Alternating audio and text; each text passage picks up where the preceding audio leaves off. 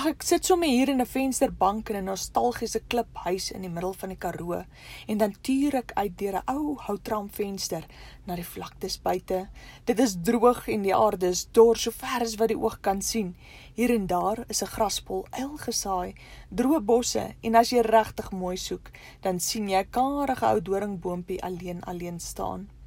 Nie die geluid van 'n voeltjie wat sing of selfs een ou verdwaalde bokkie wat deur die veld hardloop nie. Die dorheid gryp vir 'n oomblik my hart vas en ek kan voel hoe die trane opstoot in my oë.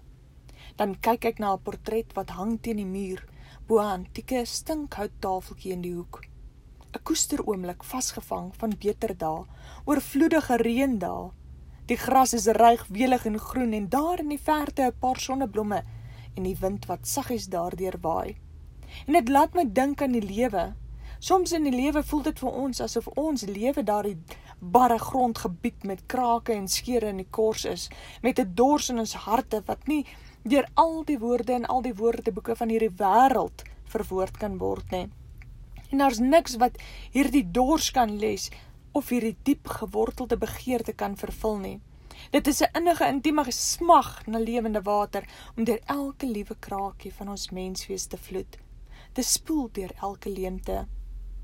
In die hart van elke mens is daar hierdie vakuum wat ewig smagtend bly en as niks wat 'n egte vervulling aan hierdie dieptes van die siel kan bring. Alhoewel baie maal ons baie gelukkig is ten opsigte van baie dinge, pragtige gesinne mag hê, goeie vriende, wonderlike families, feestelike tye, goeie werke, is daar altyd hierdie hinkering in ons na iets groter? Iets wat nie net tydelik is nie, soos al hierdie tydelike dinge van die aarde nie, iets met 'n ewigheidswaarde. Daardie ruimte kan alleenlik deur die Here gevul word, want die Here het in hom en deur homself sy bestaan. En dit is alleenlik in en deur hom wat jy werklik kan leef en beweeg en jou totale bestaan kan hê. Dan dink ek net hoe ek smag na hierdie ewigheidswaarde wat altyd en ewig tydelike dinge sal oorskry.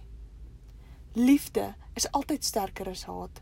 Lewe triomfeer altyd oor dood, net soos lig oor donker doen. Dit is in hierdie waarheid wat diep gewortel is in die hart van elke mens wat ons vrymaking vind.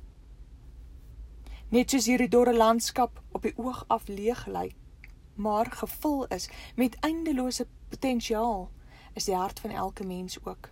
Verberg in jou is alles wat jy ooit sal nodig hê om alles te wees wat jy al reeds is.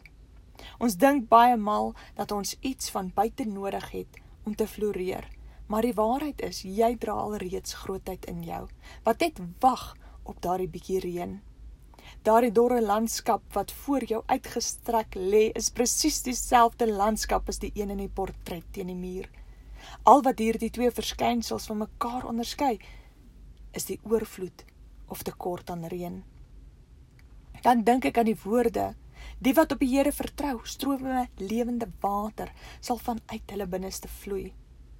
Die wat op die Here vertrou, Wat is vertroue om onwrikbaar vasgeanker te wees in God se liefde? In sy liefde is elke belofte gesetel onafskeidbaar van mekaar.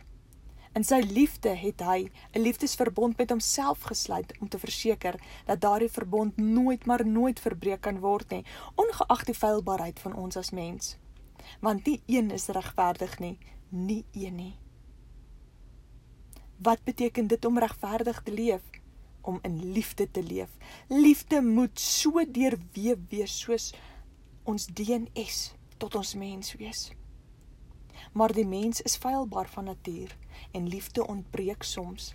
Tog is liefde noodsaaklik om die grootheid in ons en in ons lewe uit te bring sodat ons kan leef vir iets groter as onsself.